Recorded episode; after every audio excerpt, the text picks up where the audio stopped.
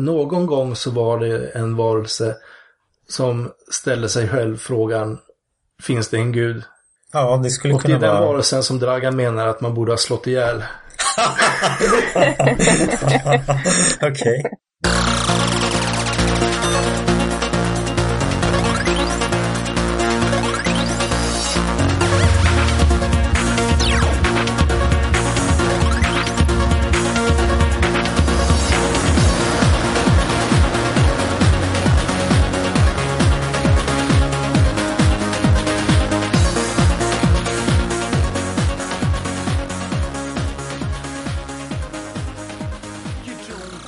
Välkommen till avsnitt 50 av podcasten Mellan svart och vitt. Och vi som är här idag är Thomas.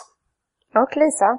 Ja, det är alltså vårt 50 avsnitt idag. Men eh, vi har väl kommit fram till det att det är inget speciellt att fira. Utan vi skjuter upp eh, firandet till 100 avsnitt istället. För den ambitionen har vi definitivt. Och, eh, men jag tänkte ändå att vi kunde göra ett, en liten tillbakablick från eh, vårt första avsnitt. Och eh, lite vad vi hade för tankar med podden då. Så att eh, vi lyssnar på det.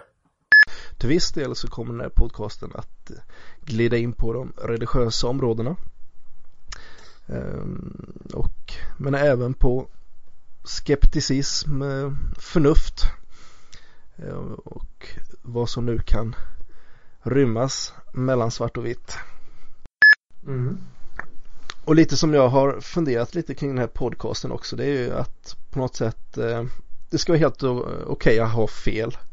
Eh, vi är på inga sätt experter på något område här och förhoppningsvis så lär vi oss mer genom resans gång. Sen kan vi även ta upp sånt som har blivit fel nästa podcast liksom. ja, precis. Fel från förra veckan. Det kanske till och med sådana som... eh, Dagens rättning. Och det är ju inte säkert att vi efter några avsnitt kommer hålla oss enbart till religiösa utsvävningar utan vi kommer säkert komma in på andra spår. Absolut. Absolut. Och eh, ja, men på något sätt att, att ta upp tro, tvivel, skepsis. Att vara ifrågasättande. Eh, ingenting är heligt men heller kanske inte vara förlöjligande eller trampa på folk eller så. Eh, hoppas att kunna prata med de som är mer troende än vad en annan är. Mm. Eh, diskutera olika bitar. Mm. Ja, men det kan jag känna att, eh, att det är mycket som har slagit in eller som har blivit som jag hade tänkt det. Och det stämmer ju även bra ihop med det som du totade ihop i din låt förra veckan som jag för övrigt har helt på huvudet och går på rundgång hela tiden. Härligt. Ja, men jag tycker ni har lyckats bra med er intention. Eh, det var en sak jag tänkte på. Ja. Det är att ni sa här att eh, inget är heligt. Men jag tycker att en av eh, styrkorna när man lyssnar på gamla och nya avsnitt är att eh, ni faktiskt har respekterat det som eh, människor håller som heligt. Mm. Eh, så just det att det är högt i tak och man kan prata om allt. Men sen tycker jag att Jag tror kanske så här att inget är heligt var kanske inte rätt uttryckt utan kanske att inget är tabu att prata om.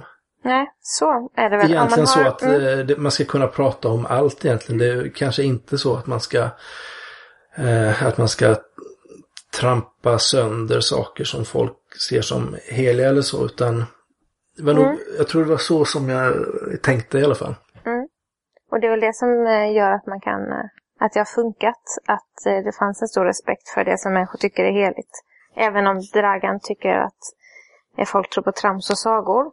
Så har han blivit väldigt upprörd när någon har medvetet smutsat något som någon annan ser som heligt. Mm.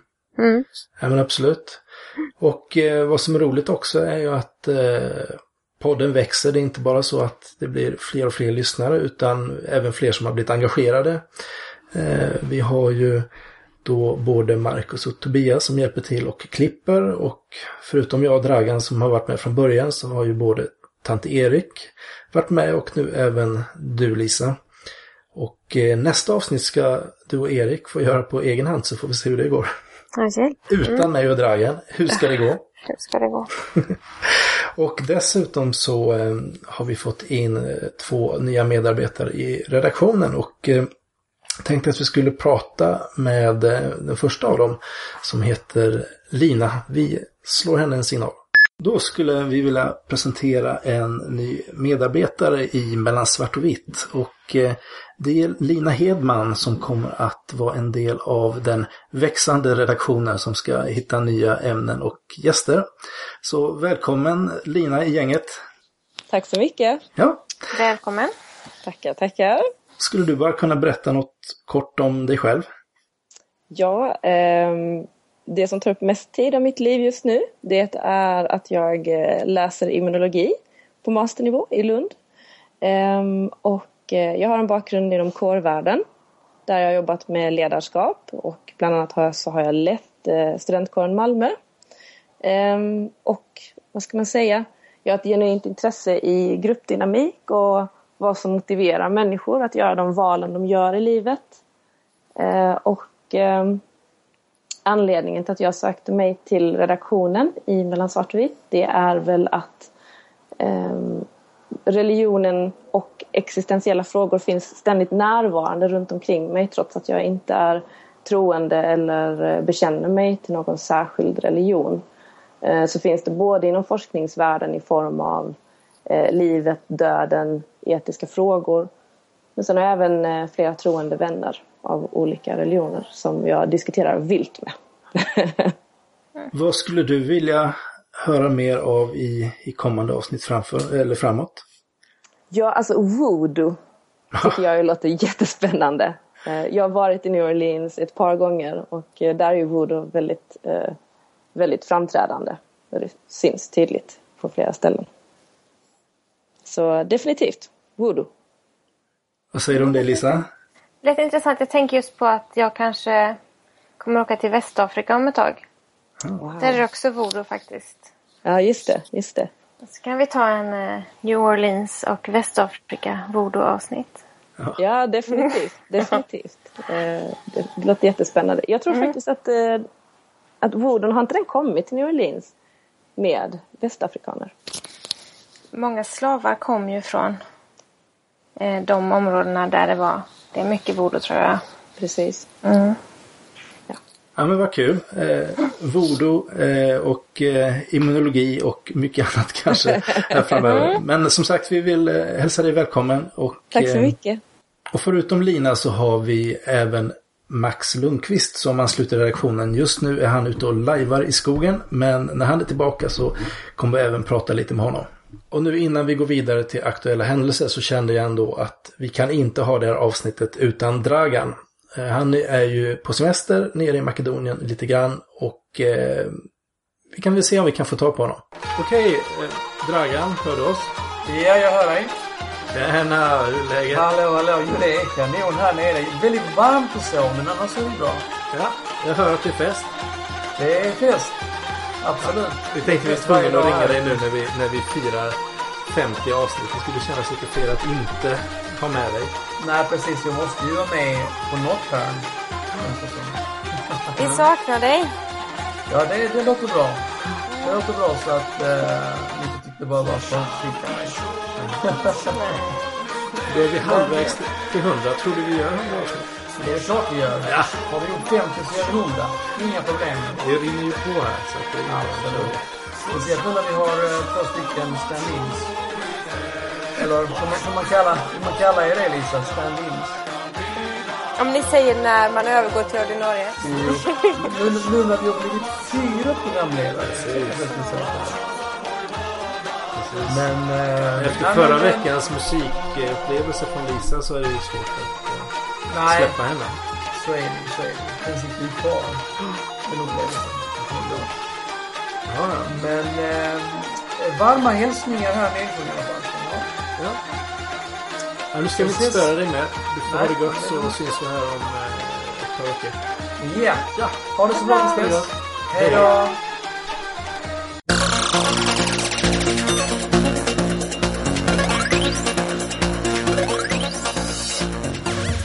Aktuella händelser här så har jag ju som vanligt inte varit så aktiv eh, med min nyhetsföljning under veckan. Men jag läste en sak i eh, Dagen faktiskt. Eh, och det handlade om att eh, forskare i Illinois i USA har jämfört kristna och ateistiska twittrare. Tyckte jag var lite roligt ändå.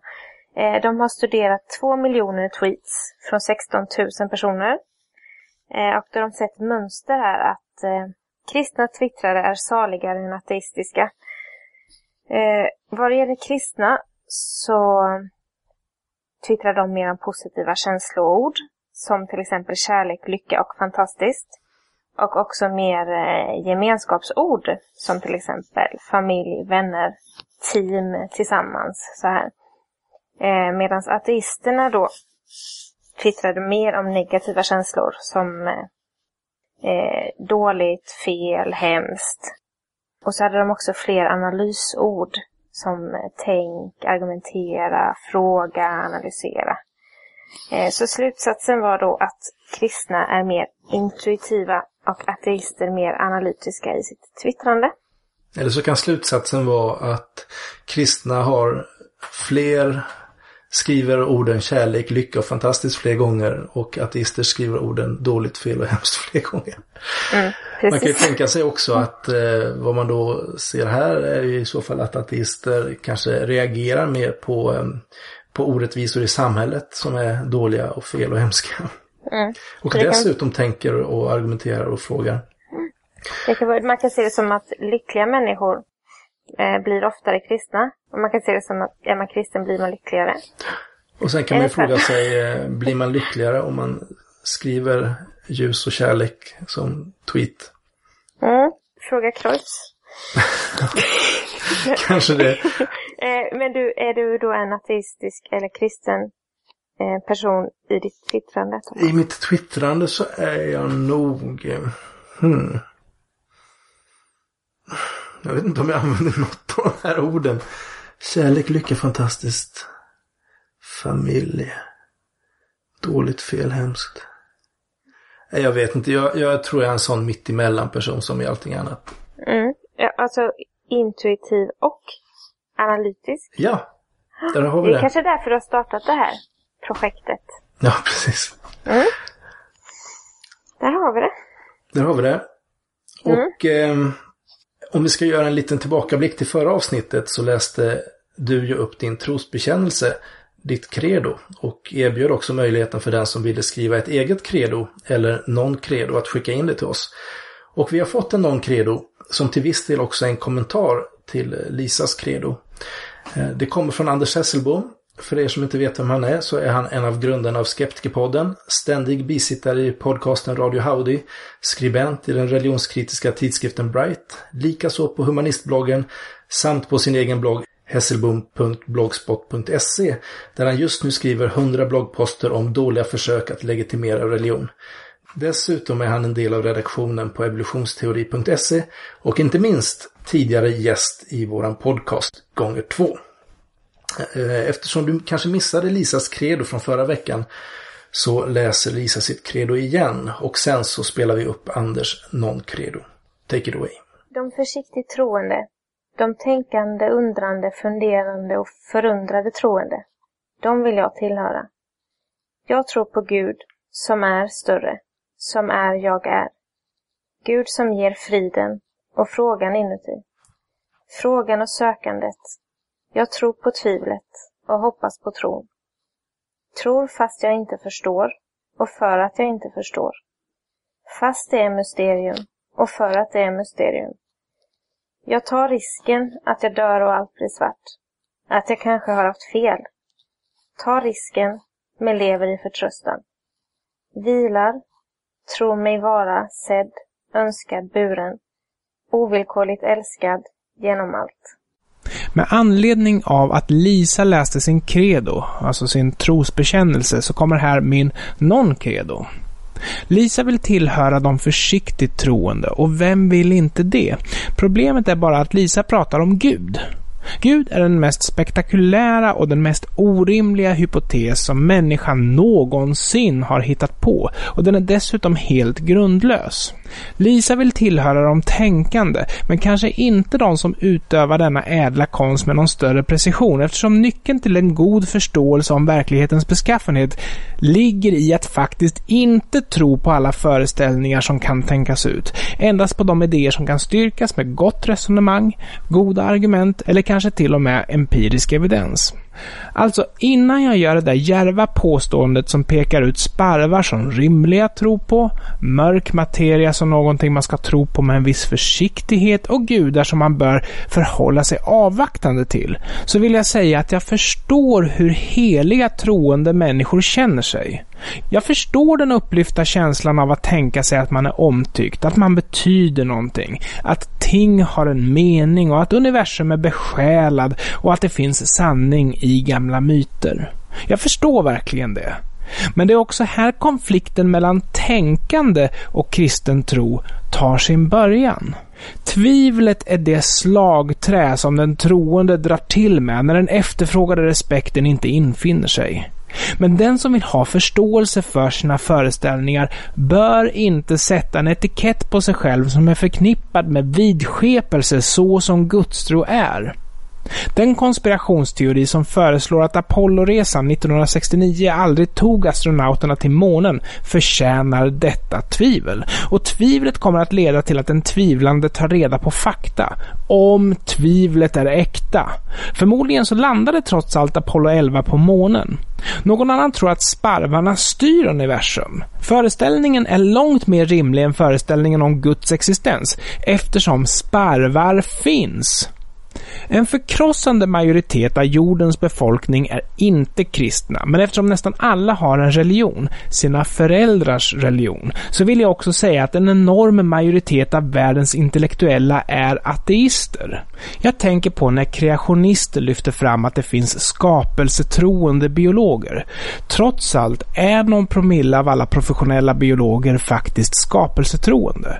På samma sätt kan jag lyfta fram att det finns kristna vetenskapsmän. Det är en minoritet, men de finns. Men är det inte lite märkligt att kunskap och religiositet inte trivs tillsammans? Att Lisa försvarar gudstro och inte buddhismen beror på var hon är född, inte på vad hon har tänkt ut. Alltså, att vara en tänkande och tvivlande kristen är varken mer eller mindre imponerande än att någon annan är en tänkande och tvivlande scientolog eller antroposof. Frågan är bara varför en utsaga om scientologitro ska generera respekt. Det ska det inte. Inte ens om det är en tvivlande scientolog som pratar. Ja, eller en scientolog som enligt egen utsaga tvivlar. En tvivlande kristen som konfronteras med det faktum att inget tyder på att några gudar överhuvudtaget existerar är trots allt inte en tvivlande kristen. Det är en kristen som vurmar för sina föreställningar. För tvivlet borde leda till att man tar reda på fakta och fakta är att det inte finns någon som helst anledning att tro på några gudar alls. Vissa är glada i en förljugen förtröstan. Andra vill kort och gott leva i förtröstan utan att behöva nåla sig fast vid uppenbara lögner. Det finns en fantastisk värld som är tillgänglig för den som vågar lyfta blicken från sitt naiva navelskådande. Vi som önskar vara medmänniskor det allra bästa är ateister och förespråkar en naturlig och således en gudafri världsbild. Tack för det Anders. Och eh, om det är fler som vill skicka in sina kredon eller non-kredon så känn er fria. Ni kan mejla till thomas mellansvartovitt.se eller kontakta oss på annat sätt via Twitter eller Facebook eller knacka på dörren eller något. Vi ska gå vidare till vårt huvudämne.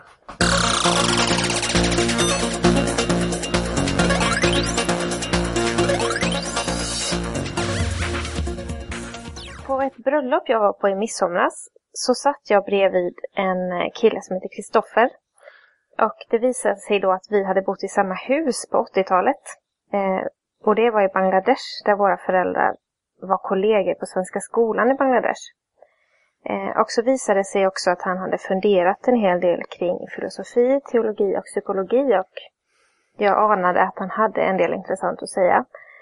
Eh, därför har Thomas och jag ringt upp honom och ska ta med honom i vårt samtal idag när vi pratar vidare om eh, det här med hjärna, psyke och själ som vi diskuterade i avsnitt 47. Eh, så hej Kristoffer! Hej! Hej, välkommen! Ja, välkommen till podden. Eh, vill du berätta lite om dig själv och vad du gör i livet? Mm. Ja, jag har läst ett år på psykologprogrammet och har läst mycket annat. Så jag har läst polkand och det som kallas för tros och livsåskådningsvetenskap i Uppsala. Ehm, eh, ja, har gjort en del annat också såklart, men det är det som jag gör på dagarna. Mm. Hur kommer det sig att eh, du har velat studera tros och livsåskådningsfrågor och psykologi? Ja, ehm, när det handlar om, om tros och livsåskådningsvetenskap så är det ju, då har det att göra med min tro helt enkelt. Och att det för mig är ganska viktigt att eh, reflektera över den och bearbeta den och sådär. Och eh, relatera den till vetenskap. Och det är viktigt för mig att det hänger ihop. att det går ihop, så att säga. Ehm, och det har jag haft en viss liksom, hjälp att bearbeta då, att läsa dem. Genom att läsa dem. Sen är jag också i grunden liksom intresserad av den typen av frågor. Och så. Jag började fundera ganska mycket på existentiella frågor när jag var i 14-årsåldern och sådär. Och det har jag tänkt lite på, för jag såg att du tänkte ställa den frågan. Eh, och för mig är det nog så att det skulle vara konstigare om man inte var intresserad av det. Jag har lite svårare att förstå det. Det är nog snarare det som man behöver förklara i så fall. Om ni förstår hur jag menar. Att ja, försöka förstå eh, olika typer av frågor om meningen med livet och sådär. Och om det finns en moral som är giltig och om det finns en gud och så här. Det, för mig är det naturliga frågor.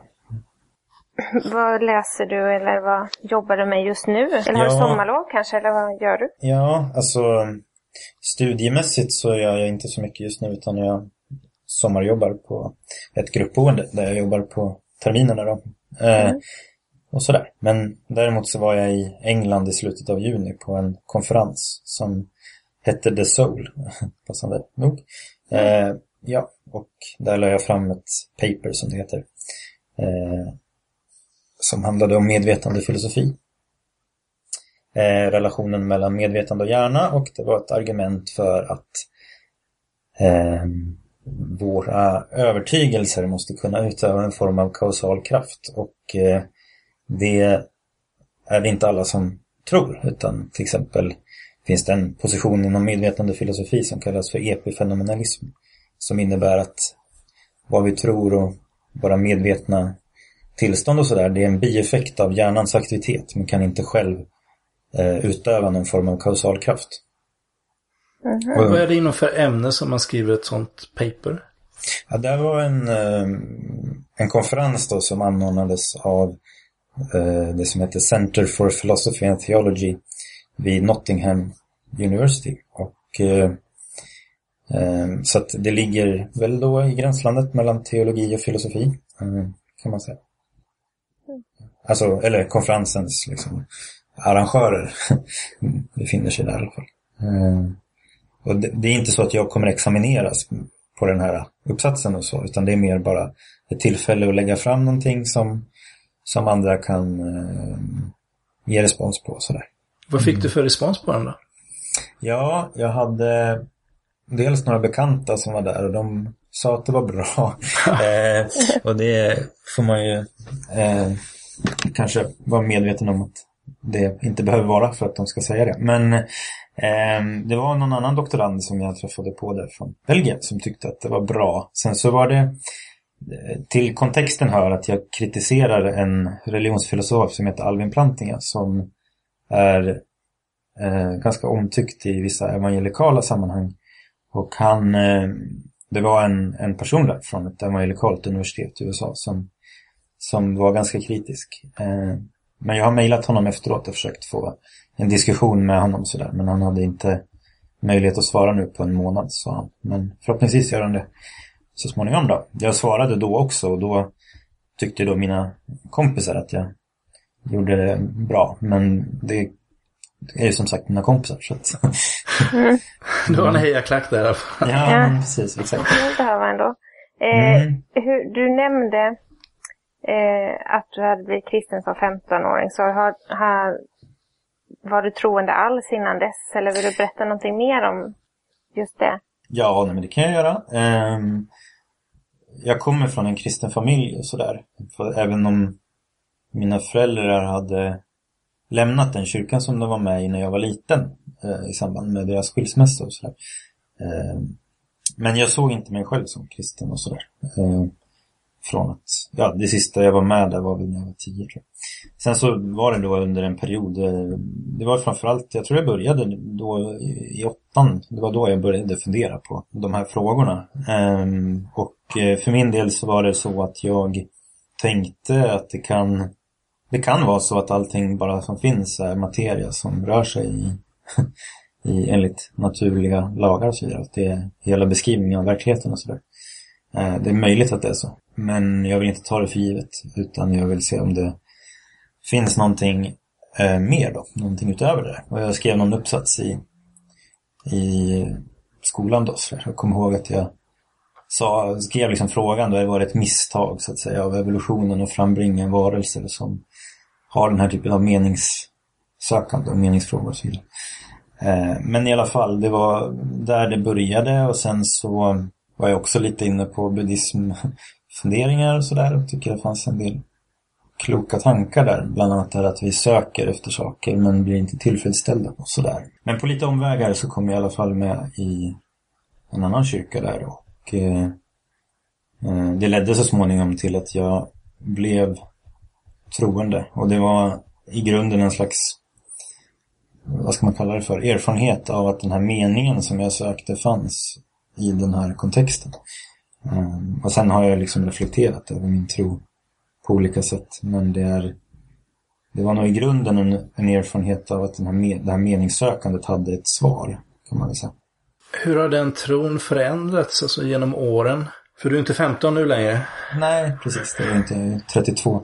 Eh, den har förändrats väldigt mycket. Och det, stor, det har väl gått i lite olika omgångar. Men jag tror att när jag började plugga på universitetet så blev liksom den första frågan som jag brottades med var frågan om, om allting bara är psykologi. Eh, och då innebär det ju att det, om det är så, jag menar då, då spelar det, då behöver man det kan vara så och det, då innebär det att eh, i de sammanhang där jag hade varit så fanns det en viss överbetoning av känslor skulle jag säga och sådär.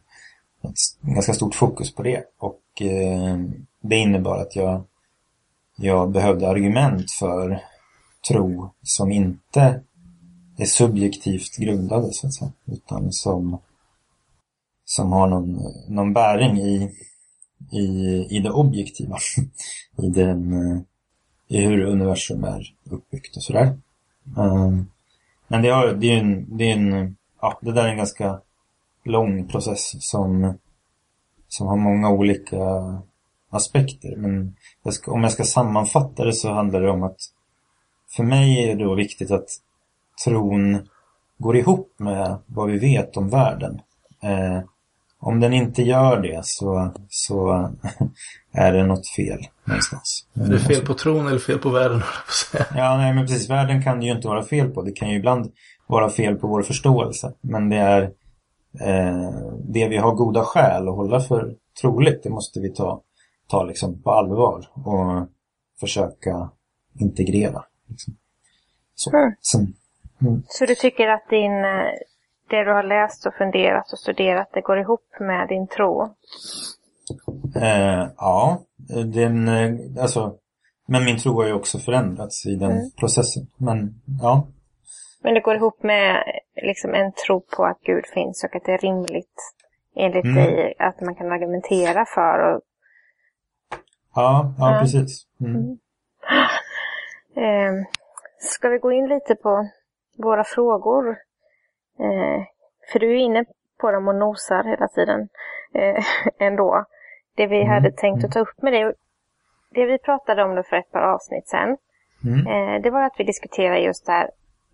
Är allting, är människan bara neuroner, hjärna, biologi mer eller mindre? Eller finns det någonting mer som är mer svårfångat? Eh, och Mm. är det i så fall psyket och hur, hur är det i relation till själen? Eh, Mm. Så nu när du har lyssnat, har du spontana funderingar kring våran diskussion? Ja, dels så tänker jag ju på själva ordet själ då. Mm. Sådär. Och eh, det är lite intressant för att det ordet eh, som, som eh, Aristoteles använder det ordet så betyder det egentligen samma sak som man skulle kunna översätta det med struktur eller form. Eh, och ehm, det var när vi var på den här konferensen också så, så var det något föredrag om, om det här. skälen själen som formalorsak. För, för Aristoteles så finns det fyra, allt som finns har fyra aspekter. Så om man frågar vad någonting är kan man svara på det på fyra olika sätt som kompletterar varandra. Eh, och det ena är vad det är gjort av, eh, som materialorsak. Det andra är formalorsak. Och det är det ordet som är samma ord som själ och det är den struktur som någonting har. Och sen är det den effektiva orsaken hur det blev till. Och sen finalorsak, vad det har för syfte eller ändamål. Eh, och i den meningen så kan man då säga att eh, formen, all, allt som finns har en form och består då av materia och form. Eh, och eh, för levande varelser så är form själ. Så för Aristoteles har växter en själ. Ehm, och djur också. Och människor. Så det blir lite, det blir, vad ska man säga? Det är ehm, själva ordet själ är jag, jag tror det var du Thomas som sa att du lite på skoj tänkte att datorer har en själ och sådär. Ja, Eller jag hur? lite på skoj där med min Ja. gamla Commodore Ja. 64. Ja, Ja, precis. ja. Om man skulle så att säga, använda det här perspektivet så skulle man kunna säga det, att datorer har en själ. Yes. Eller de har, en- de har en form i alla fall. Men nu ser Ehm, man det, jag tänker, det är lätt att säga att jag har en stol, materialet kan vara trä och den har en viss form. Men jag tänker ändå när vi gör analogin med människor och djur så har ju, man har ju en, eh, en, eh, vad ska man säga, man har ju en, en form rent Mm. materialistiskt, eh, volymmässigt. Ja, just det. Ja, precis. Ja. Men det är inte så, är det så som man ser den här formen eller är det någon annan typ av form som man pratar om här? Nej men precis. Det blir ju ehm, den eh, formen är relaterad till ehm, funktionen. Ehm, så formalorsak och finalorsak hänger ihop. Så stolen har, en stol kan ju vara gjord av olika typer av material. Men om den får en, en form som gör att man inte längre kan sitta på den så kommer den inte längre att vara en stol. så att säga. Men om vi då tar vad, är- vad är människans ehm, eh, liksom formalorsak sådär så, så eh, blir det ju en fråga om vilka egenskaper som människan har som, som är i någon mening unikt mänskliga. Men eftersom ibland så kan man ju höra den här diskussionen, tror du att vi har en själ? Och om man ska förstå den som jag tror att Aristoteles förstod den så skulle man i princip fråga, tror du att vi har några egenskaper? Och eh, det tror ju till exempel de flesta att vi har. Och sen så kan man då börja säga, ja men det mest specifikt mänskliga kanske har att göra lite grann med att vi har en förmåga till medvetenhet som är mycket högre än de andra. Men de flesta som använder ordet själ idag tänker nog på medvetandet. Och så tänker de, tror du att det finns något utöver ehm, det biologiska som orsakar att vi är medvetna? Så att säga. Så har jag uppfattat många. Men jag tänker mig att eh, det är ingen som liksom kanske skulle ifrågasätta att vi har den här egenskapen. Att vi är medvetna och att vi kan reflektera och så vidare. Som, som vi kan göra på ett mycket liksom mer tydligt sätt än, än djur och sådär. Men, Vi, vi hade ju den frågan för den Ja. artikeln som jag hade läst. Eh, Ja, den slog ju fast så här, hjärnan är inte lika med psyket. Så här, psyket är mer än hjärnan. ja, Och det det. var det vi började diskutera lite för jag frågade runt. Eh, Mm. och någon svarade så här, jo psyket är nog hjärnan, men vi förstår inte hjärnan. Mm. Eh, någon annan sa, jo men psyket är mer än hjärnan. Mm. Eh, så men kan man förstå det nu som att det som vi tänkte då som är större än hjärnan, som är liksom psyket. Är det det som du kallar medvetandet, tror du? Ja, just Eller är psyket något annat? Nej, ja, in, inte för mig, men, men Nej. kanske för, andra. Men, eh, men, Men jag men- var ju inte inne i... eh, Jag var ju ändå inne på att det, det är hjärnan. hjärnan är psyket. Men det, det, det, det som jag tror att man måste vara lite medveten om är mm, eh, när man frågar så här, är hjärnan psyket? Så kan man ju antingen förstå den frågan som är mitt psyke identiskt med hjärnan eller är mitt psyke beroende av hjärnan? Eh, Mm. Och de frågorna är ju väldigt olika. Eh, och ehm, det finns då, alltså ibland så tänker jag på om vi har en kassett med, alltså en videokassett till exempel. och så på den kassetten så finns eh, en film som, eh, eh, ja, vad som helst, Saltkråkan eller någonting sånt där. Och då, då, om vi då studerar den här kassetten, dess fysikaliska egenskaper, så kommer vi ju inte att eh, få tillgång till filmen. Utan filmen måste ju så att säga, filmen har en egen identitet som är en berättelse och som innehåller karaktärer och så vidare. Men den är ju beroende av, den är så att säga lagrad på det här mediet. Och är, alltså, jag tänker mig ibland att eh, om vi stoppar in en persons hjärna i en sån här magnetröntgen och så ser vi att det är mycket aktivitet i det området och det är mycket aktivitet i det området och så vidare. Jag tror att medvetandet är beroende av hjärnan eh, och beroende av hjärnans aktivitet. Eh, I alla fall i normalfallet. Kanske finns extremfall eller undantagsfall och sådär, nära döden upplevelser och sånt. Men det betyder ju inte att jag eh, kan ta del av tankeinnehållet genom, genom att eh, bara se vart det är elektrisk aktivitet i hjärnan. Och det tycker jag är ett argument för att hjärnan och psyket inte är identiska, även om det finns en beroenderelation däremellan. Var sitter psyket någonstans då? Ja, men, ja, nej men psyket, om det sitter någonstans så sitter det ju i hjärnan. Men, Ja. men, men, men det blir det blir ju på samma sätt som filmen sitter i videokassetten. Det vill Mm. säga, den är inte identisk med videokassetten, även om den är beroende av den. Tänker du lite som så, att, så att det är som en... Eh, eh, att det är som en krypterad signal som eh, man måste liksom ha rätt nyckel för att kunna dechiff- de- dechiffrera. Ja, Och jag den vet- finns inuti det system som, ja, jag Ja. menar, det är något typ av slutet system. Ja, jag, jag vet inte riktigt. Um, alltså, det finns ett perspektiv inom det här som kallas för emergensteori. Då, uh, som eh, som uh, i allmänhet innebär att uh, ja, men vi tar, om vi tar hjärnan då så består ju den av en massa neuroner, nervceller. Och de här nervcellerna är ju inte medvetna. Men när de är ihopkopplade på ett speciellt sätt, ett komplext sätt, en komplex helhet som är hjärnan, så kan det ge upphov till egenskaper som inte finns hos delarna. Så summan är mer, eller eh, helheten är mer än bara en liksom addition av de här individuella neuronernas egenskaper. Det uppkommer någonting nytt då på helhetsnivå. Och det innebär att man behöver inte bli eh, reduktionistisk och säga att vi är ingenting annat än neuroner bara för att eh, vårt medvetande då är beroende av neuroner och sådär. Men om man ska höja insatsen lite som, som lite så här halvreligiös. Eh, då är frågan, har vi en ande? Ja, För det finns ju de som antingen då vill säga, får man säga klassisk kristen eh, åsikt att vi är ande, själ och kropp på något sätt. Och sen finns det eh, vissa element eh, som då menar att vi är en ande som har en själ och bor i en kropp. Eh, Och eh, att man betonar då eh, vår, vår liksom rätta identitet som att eh, anden då. Hur, hur, eh, har du några tankar kring det?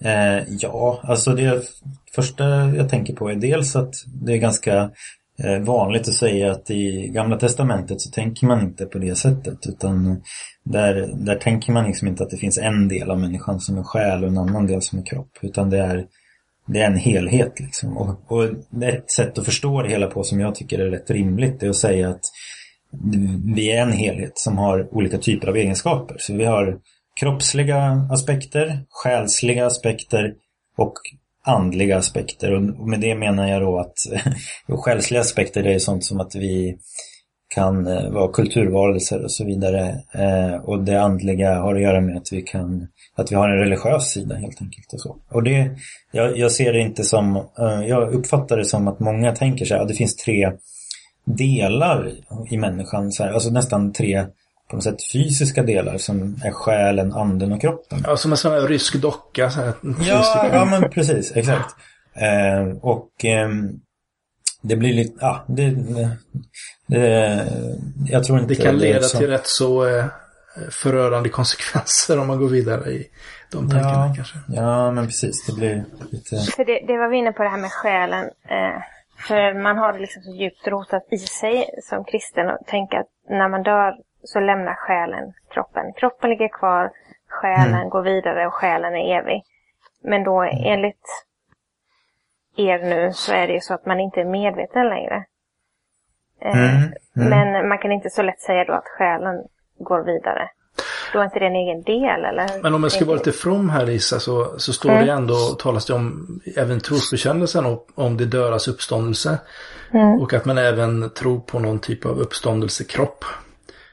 Så att eh, den här mm. formen då som, som människan skulle vara i eh, rent fysiskt nu. Där tänker man väl sig någon typ av himmelsk form också då. Av en, ja. Mm. Så. Mm. Eh, det här, du var inne på det här med tankar och känslor och nervtrådar, Kristoffer. Eh, mm. Efter avsnittet så blev det en liten diskussion kring huruvida man kommer kunna mäta eh, och förstå människors tankar och känslor mm. helt och fullt genom att studera hjärnan i framtiden. Eller om det är så att det är mycket större och alltför komplext för att kunna liksom, ses i hjärnan. Och då skrev någon eh, i Twitter-diskussionen att jo, man kan ju mäta smärta och njutning. Eh, men då frågar jag, är det känslor ens? Eller är det mer eh, medvetna upplevelser men som är så kopplade till fysiken så att man inte kan jämföra dem med känslor som till exempel skam eller skuld eller mycket mer uh. abstrakta känslor. Mm. Eh, så vad tror du om eh, hur mycket kan man mäta och förstå genom att titta på hjärnan? Ja du. ähm, ja, jag får väl säga, det här är ju mina liksom, reflektioner bara som mm. person som råkar vara intresserad av de här frågorna. Men, mm. eh, eh, men då, för min del så är det, jag kommer ihåg i någon av de här psykologiböckerna som vi hade i början så pratar man om att man kan liksom ha tre perspektiv när man studerar människan. Tre nivåer, tre analysnivåer. En biologisk nivå, en psykologisk nivå och en social nivå. Eller liksom den kontexten då, som är den sociala kontexten. Och eh, jag tror att man absolut kan eh, jag menar man kan eh, mäta hjärnaktivitet i olika delar som eh, när människor upplever olika saker och eh, sådär. Men, men det, det, det, det är bara om man på förhand har bestämt sig för att det här är det enda, enda dimensionen som finns. Som man kan säga att man har också studerat det på ett uttömmande sätt.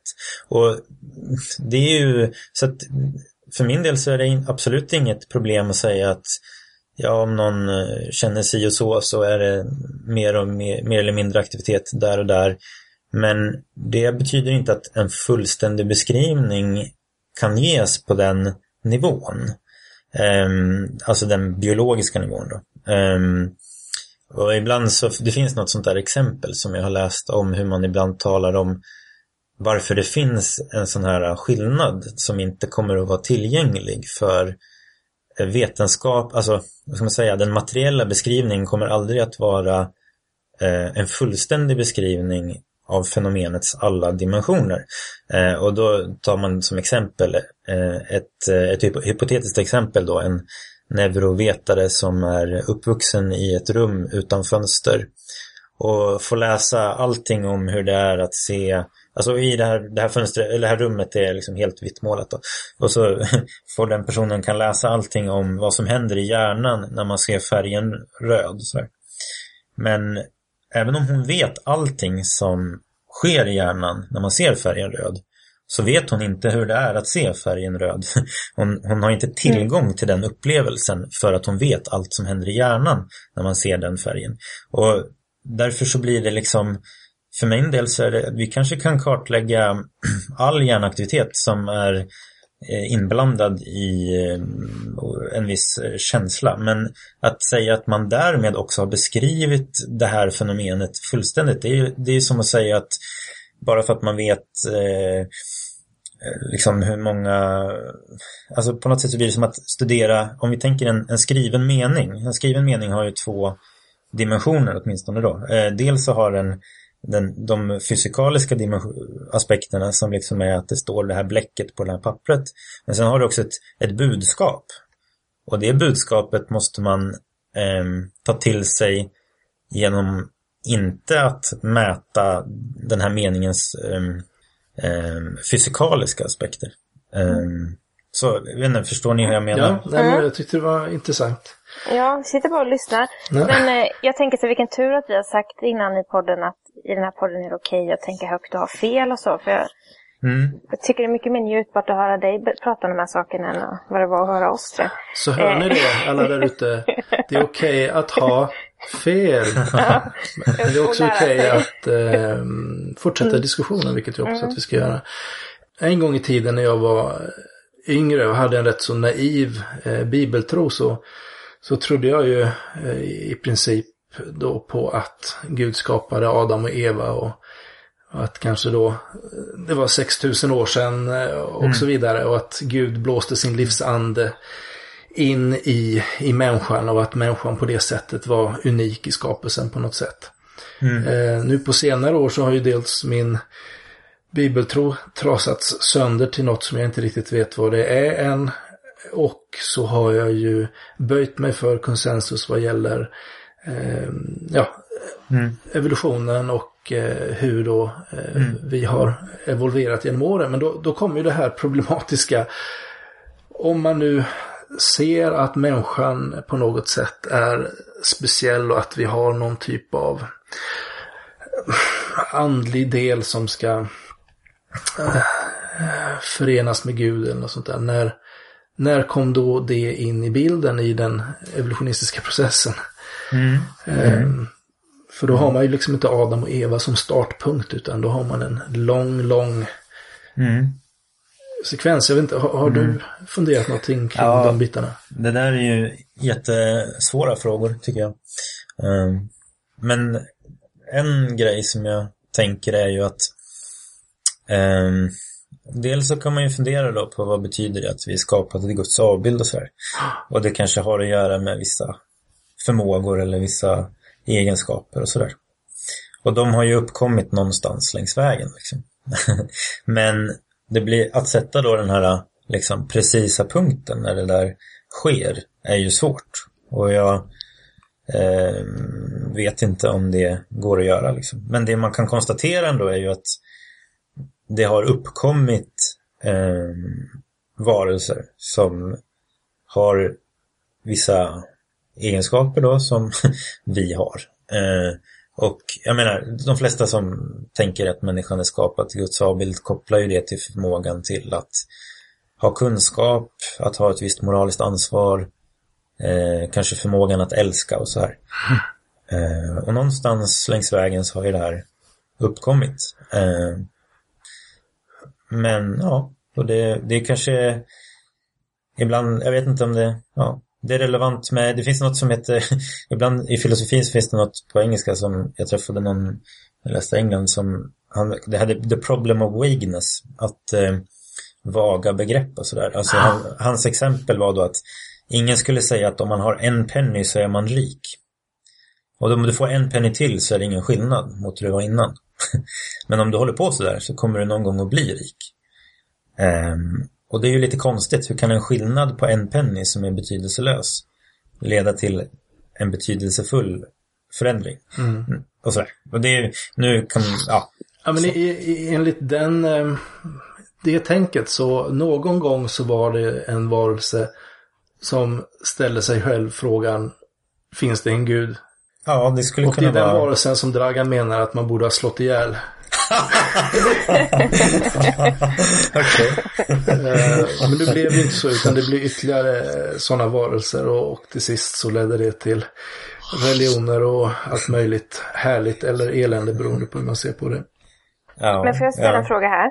Eh, För Mm. nu eh, när du säger själ, medvetande och eh, att eh, från en amöba till en människa så är det mer en gradvis skillnad i medvetande. Mm. Eh, ser du ändå en skillnad mellan djur och människor när det gäller eh, att vara en evig varelse? Får man ta Mm. hunden med sig in i himlen? Oj, ja du. Ehm, jo, alltså jag tänker så här. Jag tänker att om vi tar begreppet person som för min, alltså begreppet person står för en varelse som har någon form av eh, ansvar för sina handlingar. Som kan välja mellan olika skeenden och sådär. Och som, som kan förstå konsekvenserna av sitt handlande då. Eh, finns någon form av frihet liksom, i, hos en person. Och eh, en person har ju också, eller mänskliga personer har, har en annan typ av eh, förmåga att in, gå in i, i, i relationer med, med andra varelser. Eh, där man lär känna en annans inre. Det finns ett inre att lära känna och, och har en möjlighet till empati och så vidare. Som, alltså det jag försöker komma till är att jag tror att människan är den varelse som är dels kapabel och dels kallad till en speciell typ av relation med Gud. Eh, och det gör människan eh, unik då i, i alla fall på jorden. Så, så att jag skulle säga, jag tycker det är lite svårt att ha så jättetydliga Mm. uppfattningar om livet efter detta. Men det skulle jag i alla fall säga en, en, vad jag uppfattar som skillnad. Men, För att ibland så säger man så här att ja men det är så skönt och bekvämt om man har en luddig gudsbild eller om man har en, en liksom luddig bibeltro eller något sånt där. Men i det här fallet skulle jag säga att det är ju ytterst besvärligt eh, när man ska närma sig en sån här fråga. Varför? För naturalisten är det ju jättelätt. Det finns ingen gud, det finns ingen själ inom situationstecken. Punkt liksom. mm, mm, Och för en bokstavstroende kristen, han har ju Adam och Eva och Guds blåser in sin, sin livsande i dem. Punkt. mm, Men för en mm. annan stackare som håller på och funderar på de här bitarna så är det ju det är jättebesvärligt. Och eh, Mm, Ja. mm, mm. vi får väl se. Och eh, vi fick även en tweet här från Filip eh, med handlet eh, Astrospjutet att fundera på hur en överlevande neandertalare borde behandlas eh, juridiskt och om den har en själ eller skapat i Guds avbild. Eh, till exempel då. Och det är väl ett exempel på en, en människoapa eller vad man nu ska kalla den eh, som, som mycket väl skulle kunna ha överlevt till vår tid och vem vet, det kanske till och med går att klona fram någon om de Mm. kommer så långt. Mm. Ja ja, det finns en eh, det finns en författare som heter Connor Cunningham som var på den här konferensen som jag var på. Som har skrivit en bok som heter Darwins Pious ID som, som har blivit ganska väl emottagen. Då. Och eh, han är teolog och har skrivit den här boken om, om Darwin. Jag har inte läst den men, eh, men han har en teori där om neandertalare att de har lite svårt för symboliskt tänkande. Alltså ehm, hur något kan stå för någonting annat. De, Eh, de förstår inte korset helt enkelt. nej, just det. Precis. Eh, annat än som ett... ja, Jag vet inte. Men hur som helst så jag har ingen koll på neandertalarnas eh, kognitiva förmågor. Men han hade någon idé där om Ja, okej. att det var någon skillnad. Ehm, och sådär. Men apropå bara det här med gradvisa förändringar i evolutionen så är en tanke ju då i emergensteori att gradvisa förändringar kan ge kvalitativa förändringar. Och om man tror på evolutionen så är ju hela, hela evolutionen är en form av eh, så kännetecknas ju av både kontinuitet och diskontinuitet. Eh, för att om det finns ett gemensamt ursprung med alla levande varelser så är det ju uppenbart så att det finns eh, kvalitativa skillnader mellan människor och växter till exempel. Eller mellan, eh, ja, mellan djur och växter överhuvudtaget och mellan olika djur och sådär. Och det jag, ska försöka, det jag försöker komma till är att om man tänker sig att um, det kan vara så att gradvisa förändringar kan ge kvalitativa hopp så, så kan det kanske vara en öppning för um, att um, så att säga hävda en distinktion mellan, mellan människor och djur. Även fast det sker på ett gradvis sätt.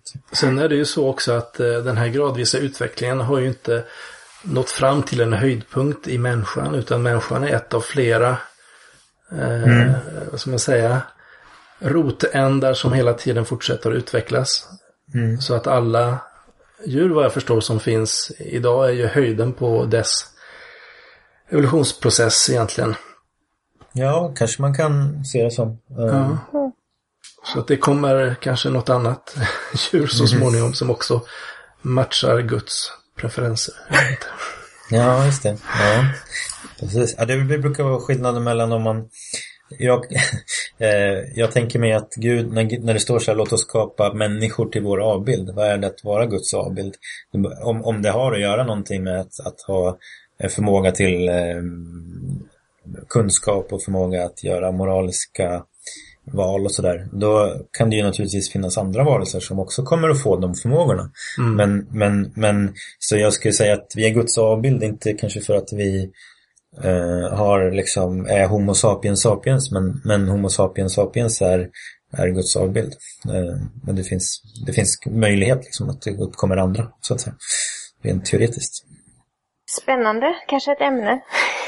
Spinna vidare på en annan gång. Jag skulle jättegärna prata mer, men jag tror vi måste avsluta för den här gången. Mm. Ja, Eh. tack för Ja, tackar så hemskt mycket. Väldigt intressant.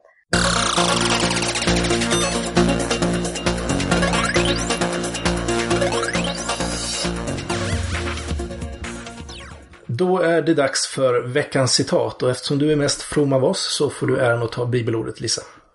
Nu har jag faktiskt tagit mitt favoritbibelord. Eh, och det är Johannes 14 och 27. Frid lämnar jag kvar åt er. Min frid ger jag er. Jag ger er inte det som världen ger. Känn ingen oro och tappa inte modet. Eh, men jag gillar det allra mest på engelska för jag tycker att det är väldigt vackert. Eh, att på engelska är det Do not let your hearts be troubled and do not be afraid. Och det är Jesus som säger det eh, angående det här att han ska lämna jorden. Mm. Mm. Ja, fint. Är det samma lite som den här eh, TC-sången? Känn ingen oro, känn ingen... Känn ingen ängslan, den som har mig kan ingenting sakna. Ja, Eller? Den ungefär. som har Gud kan ingenting sakna. Jag tror att det blev mitt favoritbibelord när jag var 16 år och flyttade långt bort ifrån min familj för första gången. eh, Det var i Indien. Så här. Då Okej. ibland eh, var man lite så här ensam, lite sjuk kanske. Då, då blev det mitt Men det har funkat. favoritbibelord. tror jag. Ja, Ja. Tycker att det, det, jag tycker att det är det bönesvaret som eh, det enda höll jag på att säga. Ja, men det bönesvaret som man kan lita på är att om jag ber så får jag frid. Mm. Eh, I Dragans frånvaro så tar jag på mig att leverera veckans förnuftiga funderare. Och eh, jag hade ett citat av Sam Harris som jag tänkte ta. Men sen så sa Hilma, sex år, något som passade bättre in på dagens tema. Och när jag nattade henne igår kväll så sa hon så här efter att vi hade bett Gud som haver då. Det känns som man kan bestämma vad Gud ska säga. För han säger ju ingenting själv. Och så gav hon något exempel också på hur hon kunde tänka i sitt huvud någonting och sen att ja, det var som att Gud sa så. Och det, hon kanske har kommit på någonting där. Eh, det är ju lite svårt det här när man, när man pratar om ja, hur talar Gud till oss. Eh, Om man då säger att ja men Gud, eh, det kanske inte är en röst utan det kanske är en tanke som dyker upp i ditt huvud. Och så vidare. Och jag tänker om eh, alla tankar som dyker upp i mitt huvud är från Gud så är jag ju rätt sjuk, kan jag på säga. Nej, det var roligt sagt. Ja, Ja. nej, bara för det är ju väldigt, det är väldigt svårt. Hur ska man kunna veta vad som är Gud och inte Gud? Mm. När det känns som man kan bestämma vad man ska säga. En del verkar ju tro, tycker jag att de eh, har Gud på sin sida alltid i allt. Mm. Eh, politiker ibland och så. De kanske bestämmer vad Gud ska säga i deras huvud. Mm. Mm. Ehm, ja, efter förra veckans musikinslag så, så, eh, så kände jag att jag har inget att komma med. Jo, ta en gammal låt. Nej, en det gammal blir, det blir ingen gammal låt eh, eh, den här veckan faktiskt. Men jag blev väldigt inspirerad till stordåd. Och jag tänkte så här eh, att eh, vi, vi kommer att spela Lisas låt Svart och vitt som eh, i slutet på alla avsnitt nu ett litet tag framöver tills, tills någon säger att vi ska sluta. Tills någon tröstar, tröstar på Precis, så, så, att, så att misströsta inte. Det blir musik i detta avsnittet också. Aha. Men det kommer allra sist, så missa inte det. Ja.